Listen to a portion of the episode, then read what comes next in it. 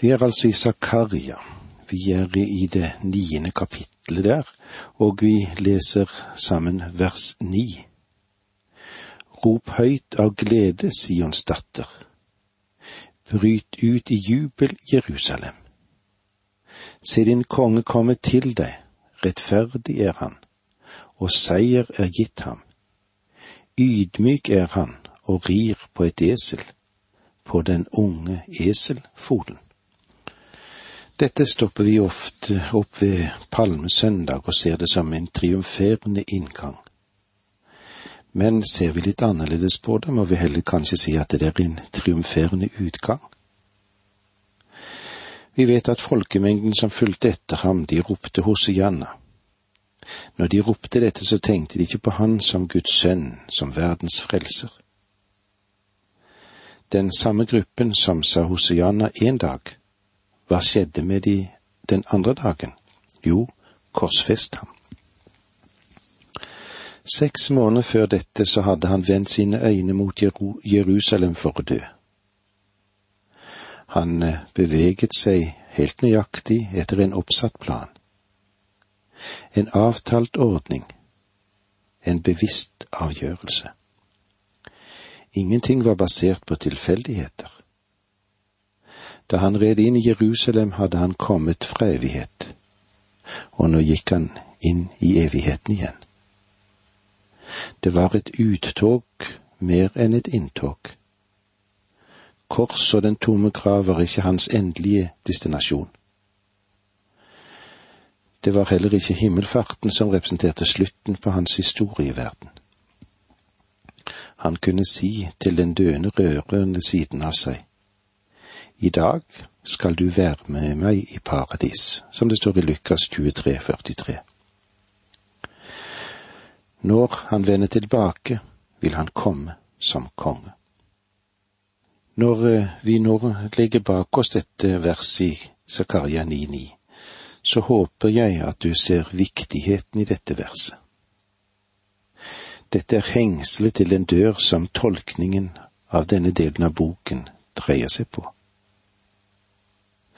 Nå har vi sett noe av marsjen til Alexander den store da han krysset det nåværende moderne Tyrkia og ødela de greske byene. Det var nesten en skam å ødelegge så mye vakkert, men det gjorde han. Selvfølgelig fordi han hurtig ville slå seg opp som verdens herre. Deretter dreiet han for å marsjere langs den landbroen som Israel representerte. Han ødela de store byene i Asyria i nord. Deretter møter vi ham når han drar inn i løftets landet. Først filisterlandet. Deretter kom han til Jerusalem. Alle hadde ventet at han skulle ødelegge Jerusalem, fordi øverstepresten der hadde nektet å betale skatt til Alexander, som det var blitt betalt til Medio-Persia. Øverstepresten følte seg bundet av avtalen med dette riket. Naturlig nok så gjorde dette Alexander rasende, og han hadde til hensikt å ødelegge Jerusalem. Men det gjorde han ikke på grunn av synet han hadde sett med øverstepresten. Zakaria presenterer oss med en kontrast her. Alexander sin triumferende inngang i Jerusalem var noe å se på. Men nå kommer altså Jesus ridende her inn i Jerusalem på et esel. Og Jesus kommer ikke for å ødelegge verden. Jesus kommer for å frelse verden. Han kommer ikke for å forme et stort rike og tiltrekke seg en stor gruppe etterfølgere som skulle tjene ham. I Markus 10,45 leser vi slik. For menneskesønnen kom ikke for å tjenes, men for selv å tjene, og gi sitt liv til løsepenge for mange. Som vi har sagt tidligere, da Jesus kom inn i Jerusalem som Israels konge, var det ikke en triumferende inngang. det var en utgang. Han gjorde seg rede til å si farvel, men han skal komme igjen. Verden har hatt lang tid på å bestemme seg hva de skal gjøre med Jesus. De må ta stilling til ham. Han kommer en dag for å bringe fred i verden. Og så sier han i Zakaria 9,10. Jeg vil utrydde vognene i Efrem og hestene i Jerusalem, og stridsbuen skal brytes i stykker. Han skal skape fred for folkene. Hans vrede skal nå fra hav til hav, fra Eufrat til jordens ende. Efrem, det representerte Nordriket. Jerusalem, Sydriket. Den ene delen ble ført i fangenskap til Asyria, den andre til Babylonia. Men de er et folk og skal forenes igjen under Kristi herrevelde. Jeg vil utrydde vognene, hestene, stridsbuen. Disse uttrykkene står for angrepsvåpnene. Han skal skape fred for folkene. Denne jord vil aldri finne fred før Jesus kommer og oppretter sitt rike og skaper fred. Jesus Kristus skal knuse urettferdigheten, og det vil ikke finne sted før han er kommet tilbake til jorden. Vers 11 Ja, for ditt pakts blods skyld vil jeg la dine fanger slippe ut av brønnen som det ikke er vann i. Her vil vi se i det vi nå går inn i, at tyrannene skal beseires og han kan anta at dette avsnittet stammer fra noe senere tidspunkt enn det som vi har gått igjennom. I begynnelsen av dette kapittel, kapittel ni, så vi hvordan Alexander seierrike frammarsj tente håpet blant jødene. Profeten fikk rett når det gjaldt det han sa om nasjonene rundt Juda. Men ennå er ikke tiden inne for Messias rike. Grekerne, de etablerte seg som de nye voldsherrer. Gudsfolkets nye storhetstid begynte ikke umiddelbart. Nå lengtet de etter befrielsen fra de nye undertrykkere.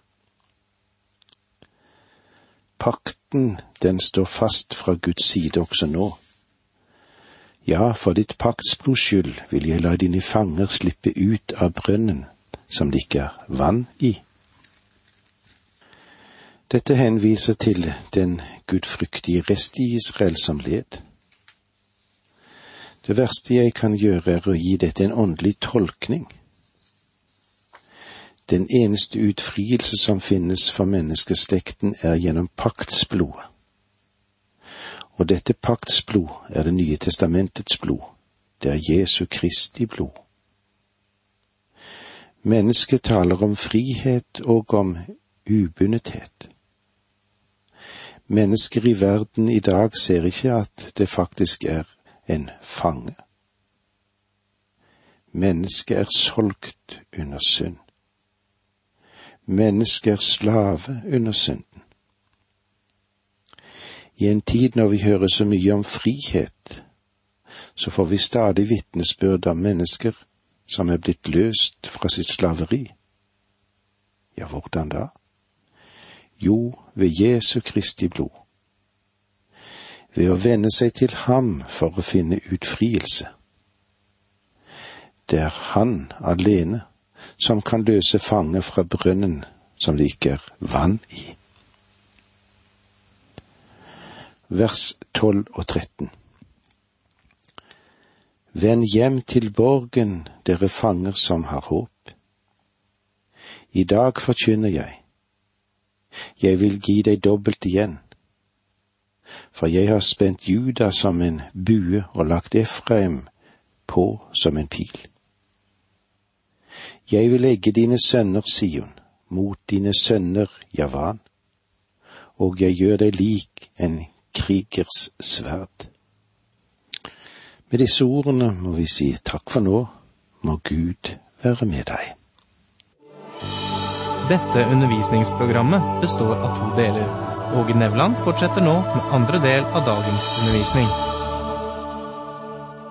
Vi er i Zakaria, profeten Zakaria, og vi er i det niende kapitlet, hvor vi vil se hvordan det er Herren skal stride for sitt folk.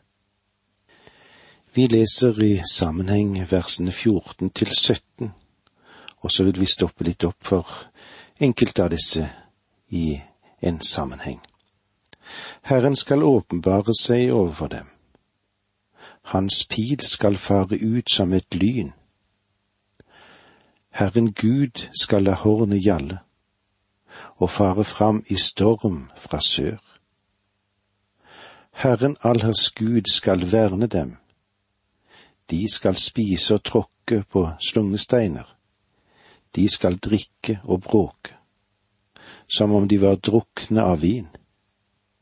Både offerskåler og alterhjørner skal fylles. Den dagen skal Herren deres Gud berge sitt folk som en saueflokk. Som steiner i et diadem skal de funkle i hans land. Ja, hvor godt og fagert det er kornet får guttene til å trives, og vinen pikene til å blomstre. Vers 14 det forteller oss at dommen kommer ved en direkte åpenbaring av Gud. Basunlyden, den hører med fra gammel tid ved Guds åpenbaring. At han òg kommer i naturfenomener er også vanlig når vi ser inn i Det gamle testamentet. Ved denne åpenbaringen så skjer det under at gudsfolket, det er det som er svakt, og det er ubevæpnet, de blir seierherre over de herskere som er i verden. For det første skal Herren verne om dem. Deretter skal de slå fiendene like som David slo Goliat med slyngesteinene som han brukte. Bildet som vi får frem her, det er hardt og det er brutalt. De skal drikke og bråke som om de var drukne av vin. Både offerskåler og alterhjørner skal fylles. Det blodige bildet avsløres en vakker skildring av Guds fremtid. Visst kom ikke frelsesstriden ved Aleksanders fremrykning. Men på den dag, som er det gamle uttrykk for Herrens dag, på dommens dag, på frelsens dag, skal Gud gripe inn og frelse og gjenopprette. Med vakre, fine bilder fortelles det hvordan Gud ser på sitt folk. Landet er befridd. Ja, hvor godt og fagert det er. En lovprisning av Gud men det er òg mye mulig at det opprinnelig har vært, som vi òg kan se, en lovprisning av landet. Det skal bli et fruktbart, og det vil bli et rikt land. Og dette hører med til den profetiske formidlingen om det landet som vil komme. Men la oss igjen gå tilbake til versene 12 og 13. Vend Hjem til borgen dere fanger som har håp. I dag forkynner jeg, jeg vil gi det dobbelt igjen, for jeg har spent Juda som en bue og lagt Efraim på som en pil. Jeg vil egge dine sønner Sion mot dine sønner Javan, og jeg gjør det lik en krigers sverd. Vi ser altså fremover til en situasjon der Kristus skal herske. Alle verdens folkeslag skal bøye seg for ham. Når Kristus kommer igjen, da blir det en tilbakevending med triumf. Versene 14 og 15 Herren skal åpenbare seg for dem. Hans pil skal fare ut som et lyn. Herren Gud skal la hornet gjalle og fare frem i storm fra sør. Herren allers Gud skal verne dem. De skal spise og tråkke på slyngesteiner, de skal drikke og bråke som om de var drukne av vin. Både offerskåler og alterhjørner skal fylles. Dette er et bilde på hvordan det vil bli frem til Jesus kommer igjen. Og vi kan nok i sannhet si at mennesker de bringer sannelig ikke tusenårsriket til denne jorden. Vers 16 Den dagen skal Herren deres Gud berge sitt folk som en saueflokk. Som steiner et diadem skal de funkle i hans land. Den dagen, det er et uttrykk som Zakaria bruker en hel del når vi kommer inn i kapittel tolv. Den dagen, den dagen er Herrens dag. Den dagen innvarsler den store trengselsperiode og avsluttes, tror jeg. Etter syv års utrolig trengselstid når den Herre Jesus Kristus vil vende tilbake og opprette sitt rike her på jorden. Da demrer det for Kristi tusenårige herskeperiode på jorden. Som steiner i et diadem skal de funkle i hans land. Det er et malende uttrykk for den glans som da skal hvile over Israel, og den pryd som dette folket skal representere for alle folkeslag. Profeten Malaki forteller oss at Herren skal samle sine juveler på den tiden. De som frykter Herren, talte da sammen, og Herren lyttet og hørte hva de sa. Hos ham ble det skrevet en minnebok om dem som frykter Herren og ærer Hans navn, står det i Malaki 3.16. Dette henviser til de gudfryktige i Israel og blant hedningefolkene. Men i dette er ikke kirken som den verdifulle perle inkludert. Kristus, han betalte en utrolig pris for denne perlen. Han betalte mye for å frelse oss. Zakaria 9,17 Ja, hvor godt og fagert det er kornet får guttene til å trives og vinene, pikene til å blomstre. Ja, hvor godt og fagert det er. Dette viser den godhet som Herren har. Han som kommer og står i så sterk kontrast til Alexander den store, som ikke var kjent for sin godhet. Alexander den store, han var rå. Han var brutal og han var full av arroganse og stolthet. Men Jesus, den Herre Jesus, han var ydmyk og tålsom, og han er stor i sin godhet og i sin glans. Det var ingen skikkelse så vi kunne ha behag i ham da han kom første gang. Korset, det var grusomt. Men når han kommer igjen, Hvilken herlighet vil han ikke da utstråle? Vi taler om vakre mennesker i våre dager, men han er den vakre, og han lar noe av sin skjønnhet også falle over dem som er hans folk. Kornet får guttene til å trives og vinpikene til å blomstre. Ny vin er ikke berusende den har ikke hatt sjansen til å bli frementert enda.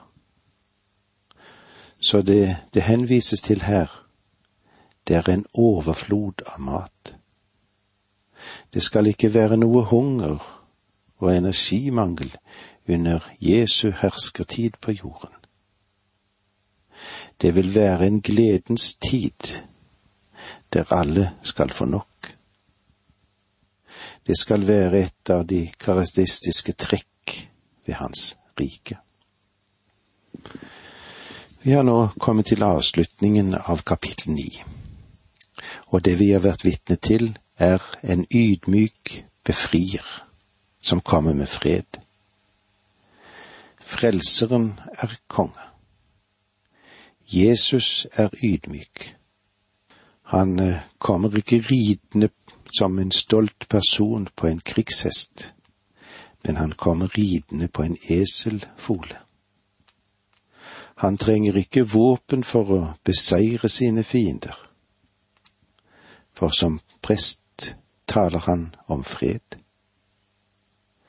Folket de hadde søkt tilflukt i tomme brønner i fjellene, men nå, ja, nå kunne de fatte nytt mot. De var nemlig gjenløst ved paktens blod, og Gud selv sørget for at gjenløsningen var effektiv. Og når kongen, kongen kommer, så åpnes fengselsdørene, og på hans ord går fangen ut. Han er underfull i sin godhet og i sin herlighet.